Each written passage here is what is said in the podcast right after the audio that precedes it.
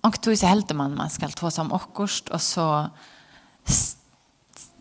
akkurat som eh, för hötte bara in i en vägg och man kommer så långt så så bröts bröts planer och i det ska jag ta som akkurst som är alltid ordla ordla spännande. Ehm um, men som jag följer med likväl inte åtskickad på att skulle ta sig om. Så ehm um, till er hos röjene som är om tan lovgivande samkomman Og jeg får tåse om, og i det samband, grøyende tjeneste samkommende. Og det er alltid ordentlig, ordentlig spennende, og har vært og rævlig størst evne. Og jeg skal røyne at koka det nye til en løytlandtall. Så, så det som kanskje jeg vil edge til kontil, er at færheim, lesa og finne til av. Um, det som vi vil byrja vi er Guds atlan vi mennesker. I byrjan skapte god himmel og gjør. Han skapte mennesker i sin mynd, og alt vær godt. Og jeg halde det er til her som vi må teka utgangsstøy. Alt vær godt. Hette var Guds atlan fra byrjan. Ja. Vi skulle leva saman vi god, Han skulle være i middelen okkara, og alt skulle være godt. Ta vera er ikke så reala lunge, um, så, så hendte det som ikke skulle hente. Og alt vi skulle lese Første Mosebok, kapittel 3,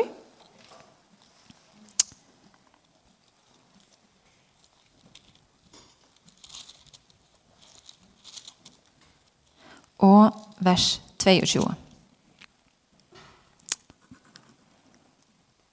Kapitel 3 og vers 22 stender. God Herren sier, Hygg, menneskene er våren som en av okken, så at han kjenner godt og ilt. Best hon nu ikkje retter ut håndene, og teker av treet livsins vi og eter, og lever i alle rever. Så ta, det har vært hent, at menneskene har For mot Guds bå og ta ønta kom inn i heimen, så er god til beina vi en hoksar, de må ikke liva og hette ønte og i alle ræver. Hetta må vi Hetta kan vi ikke løyva at menneskene som er elsker så høyt skal liva og i hette her ønta og i alle ræver. De må ikke ete av løsens tre.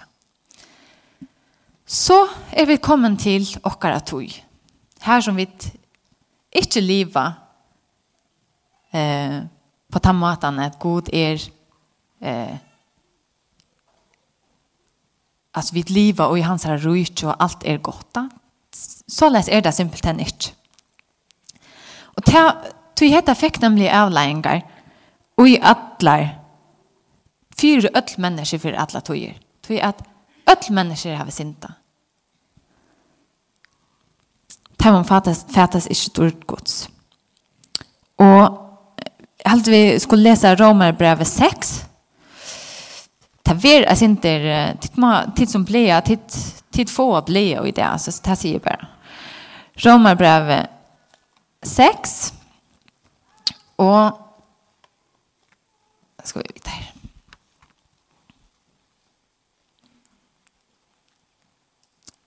Och vers 22.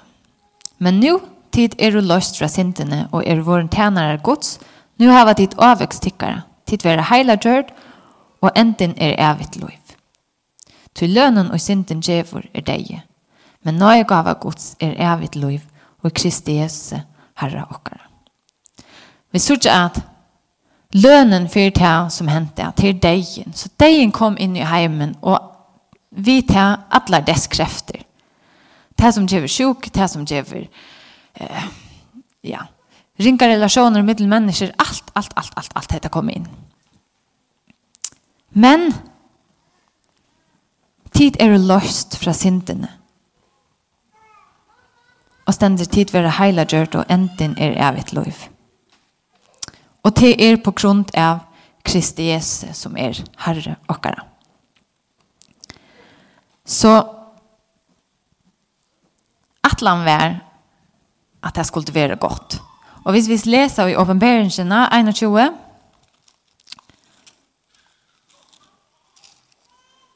så stender eisene. 21 og 1. Og jeg halte vil lese bare vers 4. 21 vers 4 stender. Han skal torska kvørst tar av egen tar. Deien skal ikkje vere langur, og kvørste sorg, skrudj, etla poina skal vere langur, tog hit fyrra er fær. Så hette er det som vi færre mot dit. Onge sorg, onge sakn, onge poina, onge sjuke, onge som er deg, etla deskrefter, etla sint. Bæra liva saman vi god. Han skal være mittel nokkon, han skal være okkara god, og vi skal være hans folk. Er det ikke fantastisk? Jo. Og hetta er jo okkara vogn. Vi er frelst, og oi, ta, etla, vi, de som er frelst, nu kjenner jeg ikke ødel som er her, så jeg sier, vi som er frelst, vi tar finnes at han vognen, at hetta ver eina fer. Eina fer, så ver alt godt. Så er det her å gjøre. Hva hever hatt å si for åkken å gjøre?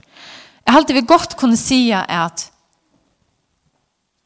Ødelføren er. Selv om jeg er frelst, blei frelst, en av togene, så kjenner jeg likevel på synden. Eh, kjenner på fresting.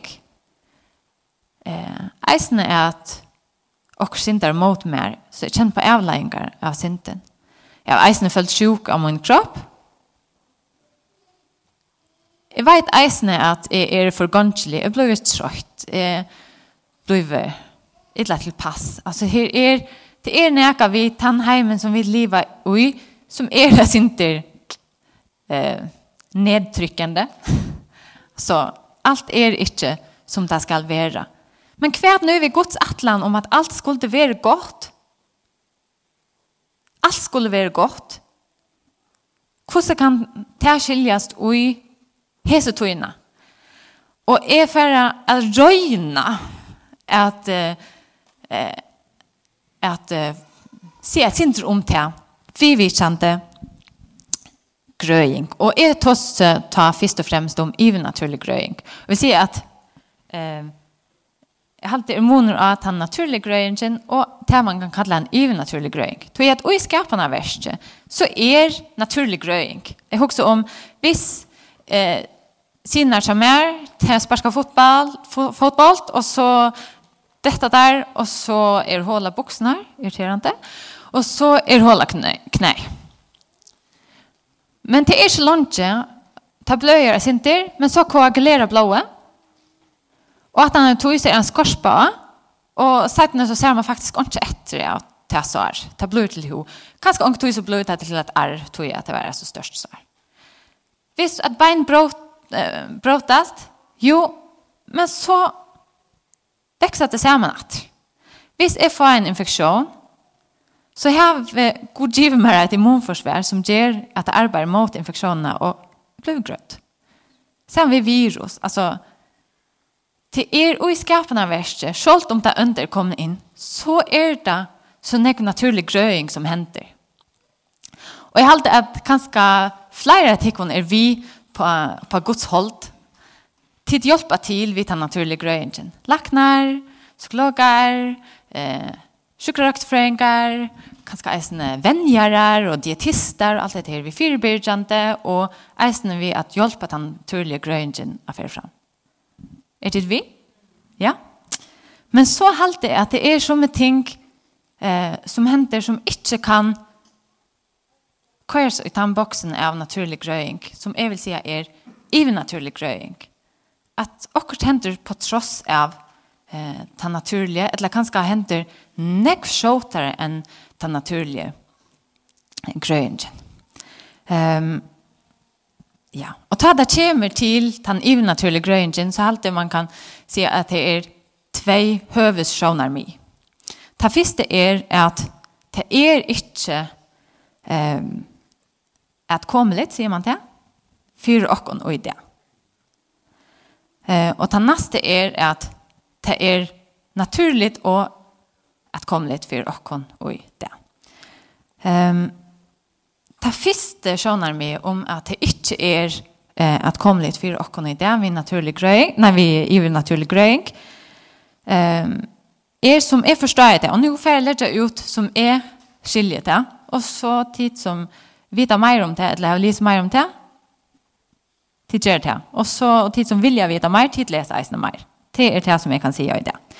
Men eh, det er vi tan eh, hoksan at grøying får fram som illustrerende tekn på eh, evangeliet. Så ta evangeliet blev blev tala, evangeliet om Guds rike eller evangeliet, ta Jesus tala så får gröing fram och andra tecken som en illustration till det som blev till. Ta eh, lärsvagnar för ut och tala i, ja, men så får gröing fram för att illustrera det som blev till. Ehm som ett tecken till evangeliet.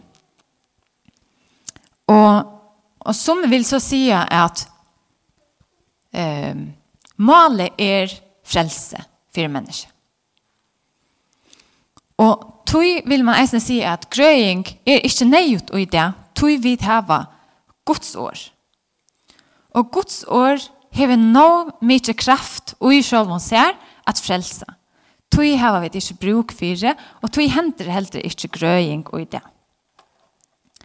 Som vil eisne si at grøying hender så nek fistene tog at ta blei eh, eh, ta blei til etablera tog hendes så nekv ui tan tuina, og eisne tar man peik, ta TV og peika, ja, men grøyngar hender ganske ut tria heim, etla negva, uh, så vil man si, de som sier at det hender ikke, det vil så si at det hender ikke, og at man peikar av ganske placeboeffekt og andre ting, og de som helder at det hender, men det er undantak, vil si at, ja, men det er tog at evangeliet blir etableret her, nu. Tog hände det så negv. Um, og det er rettelig negv som er okkara kristne sysken som hoksa så leis, helt sikkert og i okkara samkomma eisene. Um, og jeg halte at uh, um, at jeg kan ikke si at ja, men tid er helt för skrift lei. Men jeg kan si for meg at jeg har ringt vi at for å holde meg til till treitene eh, som tärtgiver. Tror at um, at uh, at grøying er et tekn. Det kan hun vet inte undan. Ehm um, det stender reisende i Markus 16. Markus 16 så eh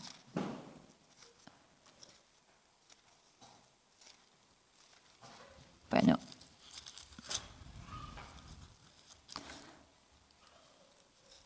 Så er det at Jesus sender lærersveinene ut, og han bidde eller til hendene av folk at det skulle bli grødd, alt dette her, og så sier han, um, så, så stender det i vers 20, Men der får jeg ut og prædika av alle stedene, og Herren var vi i versen og stedfeste året, vi tekten og vi fyllte så heter vi at grøying og, og andre eh, mirakel og sånt er tekn på evangeliet. Det er helt klart. Um, men hvor var det at Jesus lærsveiner har bruk for det? Ta. Og vi tar vi ikke bruk for det nå. Det klarer ikke å skilje. Så i munnere ver, hvis Jesus har bruk for det, så har vi så nekk for meg bruk for det. Hvis det skulle være at onker har bruk for grøying som tekn til evangeliet, og ånder ikke, så jeg vel sagt at Jesus tog slags bruk for det, men jeg har rævlig nok bruk for det. Så i tog seg vi samme myndlag som Jesus ånden kan. Ånden kan bjøre Guds rysje på den måten som Jesus gjør det. Så jeg har øyelig ringt vi at, at, at, at akseptere tannsreiten. Eisen til at grøying bare er et illustrerende tekn til evangeliet. Talt er eisen en tre som er klar i å skilje det. Tog at jeg halte at grøying er et realt tekn. Grøying hever vir ui sjolvun sær. Er at et menneske blir grødd, det hever et fantastisk vir. Kanskje hever det vir for en familie som fær eh, sitt baden atter, eller mamma og pappa atter, kanskje hevda vire her og nu at jeg kan fungera og i min daglig det. Det hever at vire og i sjølvån sted. Og eisne halte er at det er pastor av evangeliet. Det er pastor av evangeliet om Guds ryt. Frelsan er at alt skal bliva godt. Og jeg halte at nemlig grøying, tar ligger ui til Guds atlan för okkon att han vill okkon allt gott. Eisen halte er at grøying viser okkon Guds hjerte. Ta viser okkon hans her samkjensle, hans her miskon og hans her omsorgan for okkon som mennesker. Hvis vi leser i Matteus 14, 14, så er det bare ett döme upp att eh här ständer Matteus 14 14 ta oj han kom all land så han tog in folk här och honom tyckte hjärtaliga sint och i tajman här häver man motivationen och vad händer så och han grödde dig av tajman som sjukvård så till er okkurst vi okkara sorg, okkara plave, okkara pojne som nemer vi Guds hjärsta. Som ger att han inser att ratta ut sina hånd till gröjning. Det är det iverbevust om. Så har man några der eh, spurningar efter. Hva er vi jobb? Hva er vi jobb? det er alltid, det er ett studium som man kan ta i et helt år för jobbsbok. Alltså. Men här fer nemlig Satan framför god och spyr om han kan plava jobb. Vi allt möjligt, sjuker och, och att familjen ska, ska dodge, allt möjligt, allt möjligt. Och god jottar. Så är det Paulus som tåsar om att han häver en torn, en torner och i sin holdte kvært han tørn er sier han ikke om det er bare man skiler at det er ikke godt det er det som man skiler. um, kvært skal man så stille opp kvært er så Guds vilja Er Guds vilja at plava okkon vi sjuker? Er Guds vilja at Satan skulle plava okkon vi er en angel som fer etter okkon? Er Guds vilja at vi skulle hava det som jobb? Er Guds vilja at hega familielimer fra okkon? Jeg halte vi kan sige nei. Så må vi faktisk leva i hendan her spenningen som er vi alle hesar bibelsøvnar som er ringa skilja. Men jeg halte vi, vi fri må kunne si at nei, Guds viljan er ikke det enda. Guds vilja er det gode. Så at han skapte okkon, så at alt skulle være godt. Og han hever planer for at her framme så skal alt bliva godt. Omkjønt så hade vi vi fri, vi störst det vi kan säga Guds atlan för okkon är ta gå. Är det vi så längt? Kort. Det är så allvarligt. Ehm um, Och så är det nu är färden in och i kanske tanten nästa bulten det som halta är att gröing är fyr okkon och i det. Ehm um, Og her er det eisende imiske sjånar mi, er ferdig at, at uh, legge fram kanskje tvei av, av, av hese. Og det første er, heter vi at eh, grøying er pastor av Jesu frelsverst, og tog er det akkurat på samme måte som at du ble frelst, så ble du grødd. Og det er akkurat lykke at komlig for åkken, at blir grødd som at blir frelst. Og hit hever vi um, at grøying er et tekn på Guds ryt og Guds rytsens nærvær. Nå, så byrjar vi. De som halta at hette her vi grøying, det hever vi Jesu frelsevers av Golgata. Det heldur ødel, eller lukka vel, som tåsar om grøying. Men de som ledger den av at vi kunne bli grødd, og til hever alt å sige Jesu døy av Golgata, og det var ikke bare for dere sval, men det var for dere som helt menneske. Så det var til andre sval og like. Vi er ikke bort opp i en sval, og så er hitt ikke så viktig, men vi er et helt menneske. Tog hever god omsorgen for dere som helt menneske. Her halte vi kun si amen. Og her vil eisen lagt dent av eh, særlig en søve fra Matteus evangeliet, kapittel 8 og vers 16, som sier, Men ta i kvöld det var kommet, førde det til hans herre monk som sett våre av ytlån Anton, og han re rek ut andene vid året og grødde ødel henne sjoko. Fyre at jeg skulle genga ut som tala er ved Esaias profete og sier, Han tok veikleikar okkara og bær sjukor okkara. Det som Matteus her peikar atra, det er Esaias 3,5. Esaias 3,5, og det er uh, uh, ordentlig revolusjonerende for jødene at han brukar hettar om Jesus. Tui at um, Esaias 3,5 og alle sier uh, kapitlene om uh, lojande tænare uh, gods, det leser vi som Jesus at det er Jesus. Vi skiljer ikke at jødene ikke ser det. Men tid skulle bare vite at jødene leser om Guds løyende tjenere som de jødiske folk. De er jo Guds løyende tjenere. Så tar vi ut denne helt annet. Men Matteus han peker av hette her og sier at hette er Jesus. Skal vi lese. Jeg sier jeg tror jeg holdt trus. Og jeg halte vidt lese fra vers 3. Vannvirdur vær han. Folk vendte seg fra honom, mævor fotlor av poinon og kunninger ved sjuk.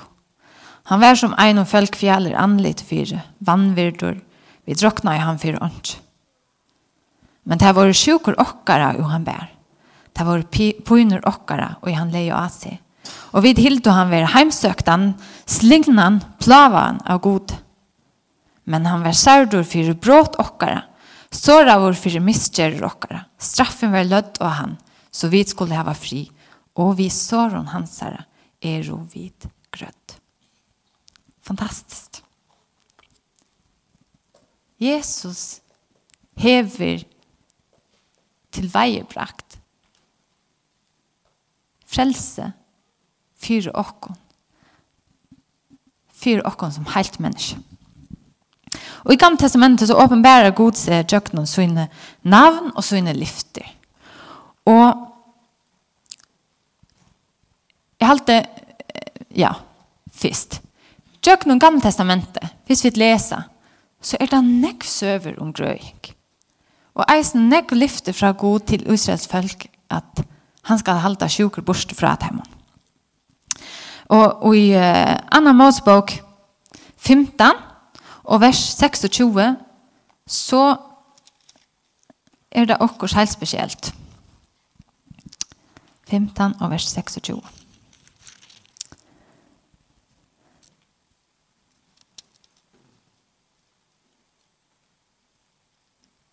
Nei, nei. Nu var jeg knapplig i tria. Ta var det helt galt. Uh, her var Anna Mosebok. Musik. 15 og 26.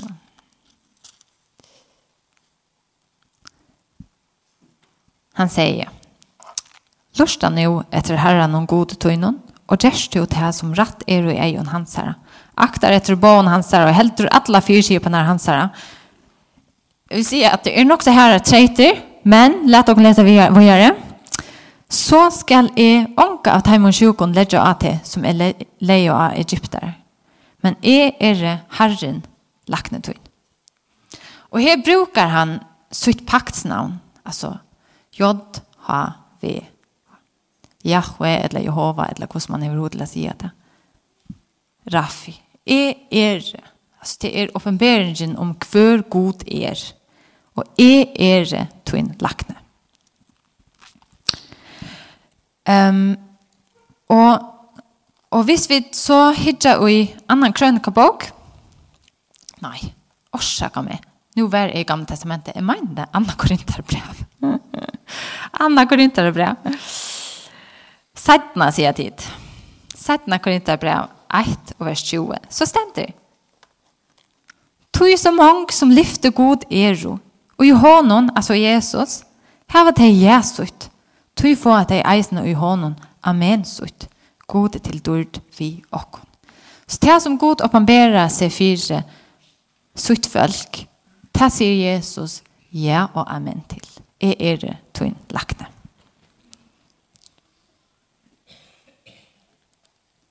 Så er det at man sier at jeg tog at Jesus hever frelst okkon som heil mennesker, ja, men så er grøying akkurat på samme måte til gonslet eller at komme litt for okken og det, som frelse for okkara sal. Og jeg halte at de som, eh, de som trykker på det, de er ølige djerv og eisene ofte tårer det rettelig vel at bygge for sjuk, og de halte ordentlig godt. Men jeg er ikke tid vita, jeg er sinter skeptisk og i min høyde. Og ta jeg, eh, jeg klarer ikke ordentlig å forklare, eller få hentet maten og huske på til å forklare, hvor er så ikke ødelgrøt, eller hvor blir vi sjuk i hele tiden? Tui jeg er frelst, jeg trygg for å god, hvor blir vi sjuk i hele tiden? Og så kan man si, og ta, så kan man si at, ja, men, Vi vekser i trygg, Och det är allt det eisen att vi gör. det. Men jeg er alltid att... eh, och, och det er godt å vekse i trygg. Og tog jeg alltid att det som har hänt hendt mer är öliga upp till sig nämligen av det att Guds år är mät för och dere trygg. Det er alltid vi skulle teka til dere at vi eta Guds år, vi fyller fytla om vi Guds år, vi mentera på Guds år, tog at så lyta vi då Guds ord. Og til øyelig viktigt. Men jeg halte at allikevel så teker det ikke hatt for at vi blir frelst, men allikevel så strøy er vi sint og sjuke og eh, ja, av avvirskene av, av tog ønta og i det. Men her framme får alt det være godt. Men i det er alt ikke godt. Og Jeg, jeg halte nemlig at eh, at en modell at huksa på, det er jo mer mening for meg. Som å tid døma selv. Det er jævla viktig. Det mener jeg. Og han ser hva som blir tala og sagt fra en talerstål. Fær heim, eh, les, finn ærar, eh, talar fra ærar, samkommer og, og eh, demonasjoner. Les, finn det. Det er ordentlig godt. Still spurningar. Men halt halte att hette er en god måte att hoksa på. Att Guds rujtje ta fer att komma. Så kan vi se att det er her Okej? Okay? Är det vi? Och vi lever här. Nog så är skåren från Guds rujtje. Og i Guds rujtje så er alt det gode. Alt for å være godt. Her er slett alt godt.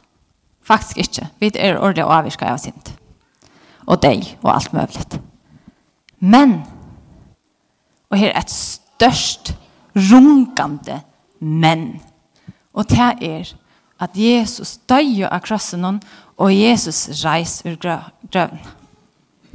Og jeg halte um, vi skulle lese um, men jo, skal jeg lykke.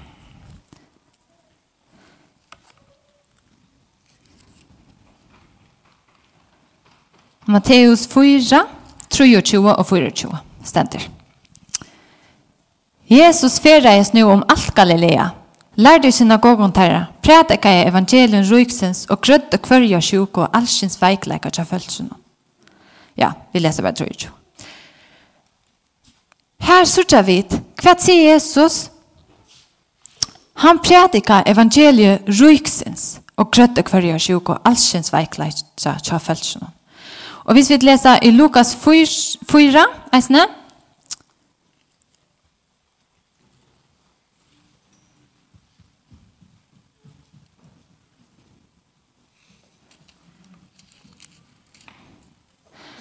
Lukas 4 og vers 4 til 34. Men ta i solen gikk under, kom og ødel som hødde sjukfølg vi allsyn sjukon til hans hervittarmen, og han leie hendene og først etter og grødde deg. Ytler andar får eisne ut ur mankon og tar opp. To ers soner gods. Men høtt er at han leter ikke slippe tale. Ter visste at han var Kristus.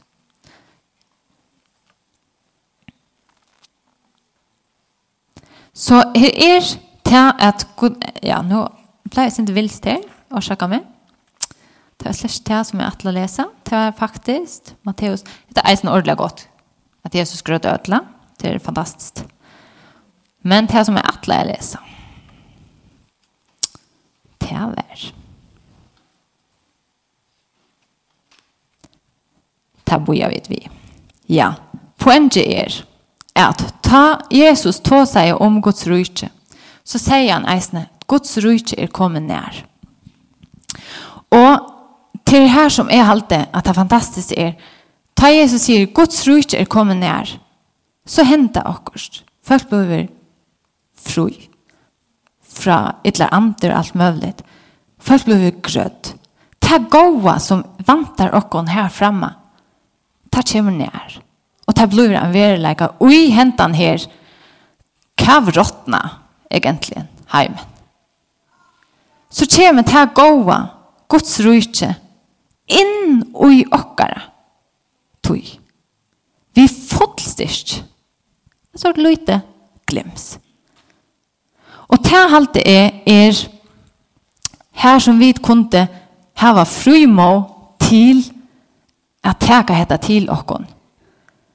At Guds rujtje er kommet nær. Og vi sørger ikke alt, alt tøy og på en fullkomnan hatt. Men eina fyr færa vit.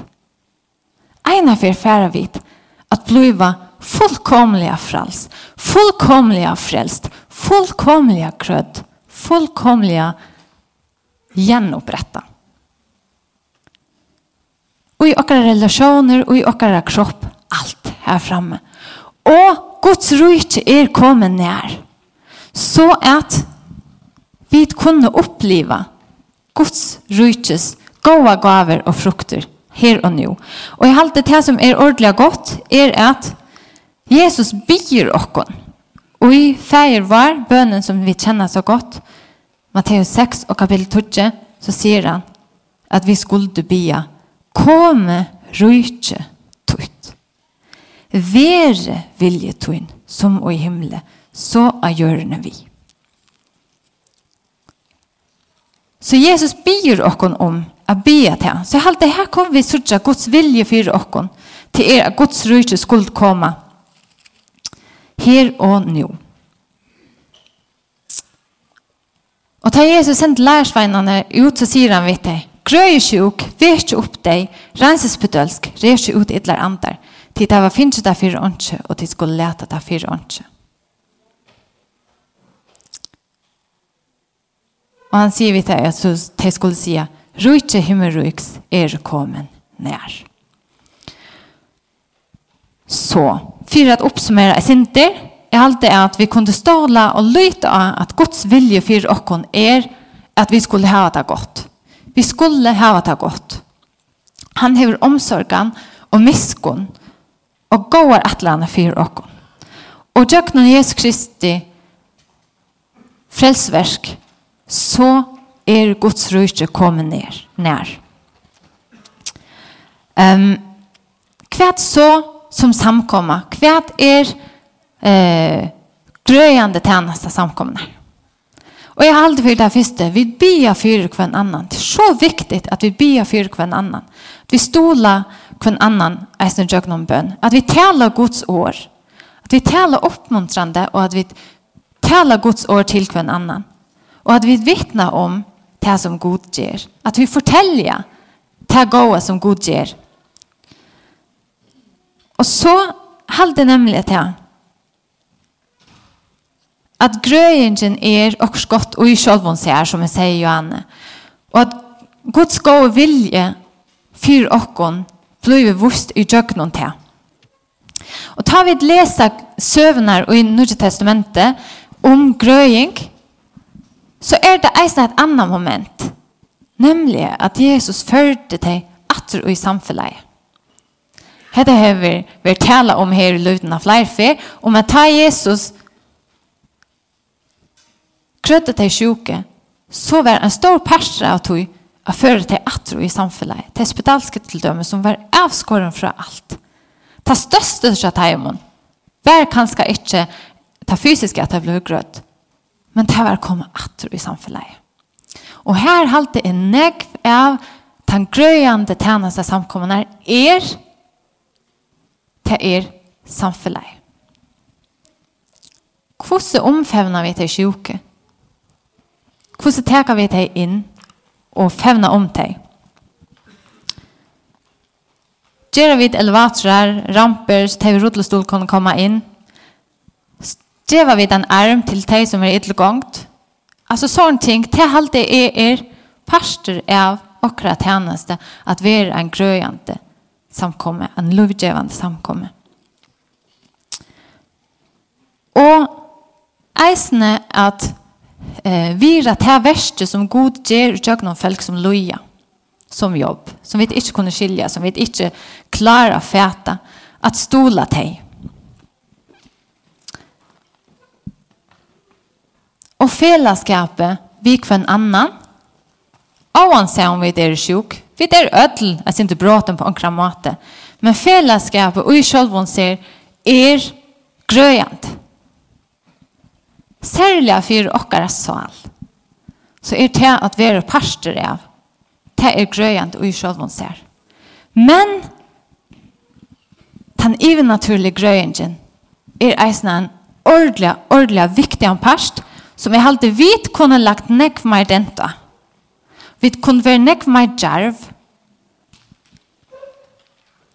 Tøy ta viser Guds miskunn, Guds nøye, Guds gode vilje. Og ta proklamerer at Guds rujtje er nær. Så vi er frelst. Og som vi genga her av folk, så blir vi frelst. Vi blir jo heilagjørt, vi skiljer mer og mer hva det er vi det har finnet. Og en av så skulle vi bli frelst. Og i øtlen hæsson, så halde Guds vilje for okkon er at vi skulle hava det godt.